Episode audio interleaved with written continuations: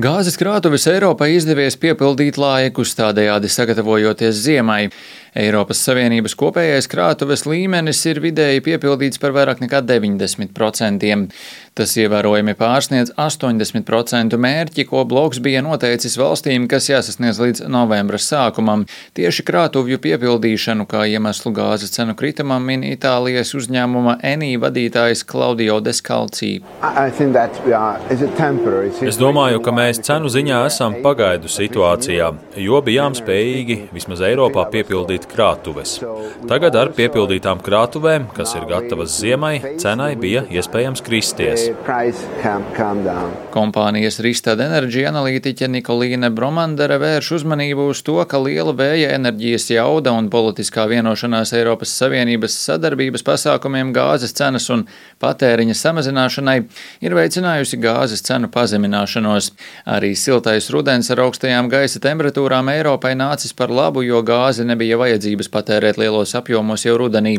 Un ietekmi atstājis arī tas, ka iedzīvotāji daudz vietā Eiropā aicināti samazināt gāzes patēriņu. Tikmēr ūdeņos ap Eiropu un ceļā uz to jau labu laiku gaida kuģi ar sašķidrināto dabas gāzi. Tie gaida augstāku laiku, kad palielināsies pieprasījums pēc gāzes un līdz ar to krātuves tiks tukšotas.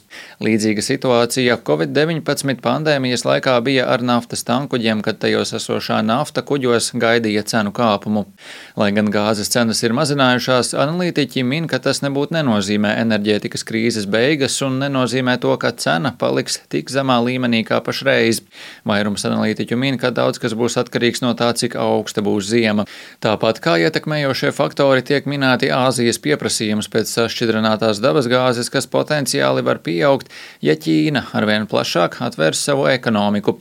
Pagaidām gan izskatās, ka tas varētu nebūt tik drīz, jo inficēšanās ar Covid-19 Ķīnā pieaug un tiek ieviesti jauni ierobežojumi. Tāpat kā gāzes tirgu ietekmējošais faktors, tiek minēts pietiekami liels regazifikācijas iekārtu trūkums Eiropā, kas nozīmē, ka valstis var izjust spiedienu agrāk. Portugāles uzņēmuma EDP vadītājs Miguels Stilvels uzskata, ka cenu nepastāvība tuvākajā laikā saglabāsies. Ir liela nepastāvība, un mums būtu jābūt gataviem negaidītajam. Diemžēl tā ir viena no lietām, kas pēdējo mēnešu laikā ir kļuvusi ļoti skaidra. Situācijai vajadzētu būt labākai nekā iepriekš, bet nākotnē mums tomēr būtu jābūt gataviem nepastāvībai. Konsultāciju firmas Eureža Group enerģētikas direktors Hennings Gloisteins uzskata, ka pašreizējo gāzes pārpilnību tomēr nevajadzētu uzskatīt par signālu, ka gaidāmajā ziemā enerģijas trūkums varētu nebūt. Ņemot vērā, ka Eiropā praktiski nav pieejama Krievijas gāze, piegāde ir ierobežota. Kad kļūs augsts, krājumi samazināsies, un ja ziemas beigās iestājas augstuma periods, kad krājumi tiks samazināti, 2023. gada sākumā situācija ar cenām varētu kļūt diezgan saspringta, kas nozīmē iespējamus cenu lēcienus un potenciālu enerģijas deficītu. ASV investīciju banka Goldman Sachs tikmēr ir pozitīvāka un prognozē, ka Eiropas dabasgāzes cenas turpmākajos mēnešos samazināsies par aptuveni 30% un 2023. gada sākumā cena varot kristies līdz aptuveni 85 eiro par megawattstundu. Arī 2023. gadā gāzes nodrošināšana nākamajai ziemai varētu būt diezgan izaicinoša.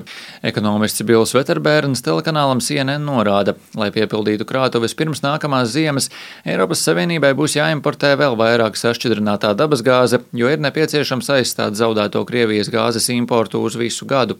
Joprojām turpinās arī diskusijas par gāzes cenu griestiem. Pagājušajā nedēļā dalībvalstīm tā arī neizdevās rast kopsaucēju šajā jautājumā, un ir izpratne, ka jautājums gan ir jārisina tādēļ decembra vidū sasaukta kārtējā enerģētikas ministru ārkārtas sanāksme.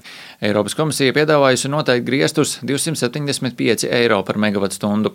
Valstis, kas vēlas ieviest cenas griestus, jo īpaši Polija, Spānija un Grieķija, apgalvo, ka šis priekšlikums nav reāls, jo tas ir tik augsts, ka tas visticamāk nekad netiks iedarbināts. Rihards Plūme, Latvijas radio.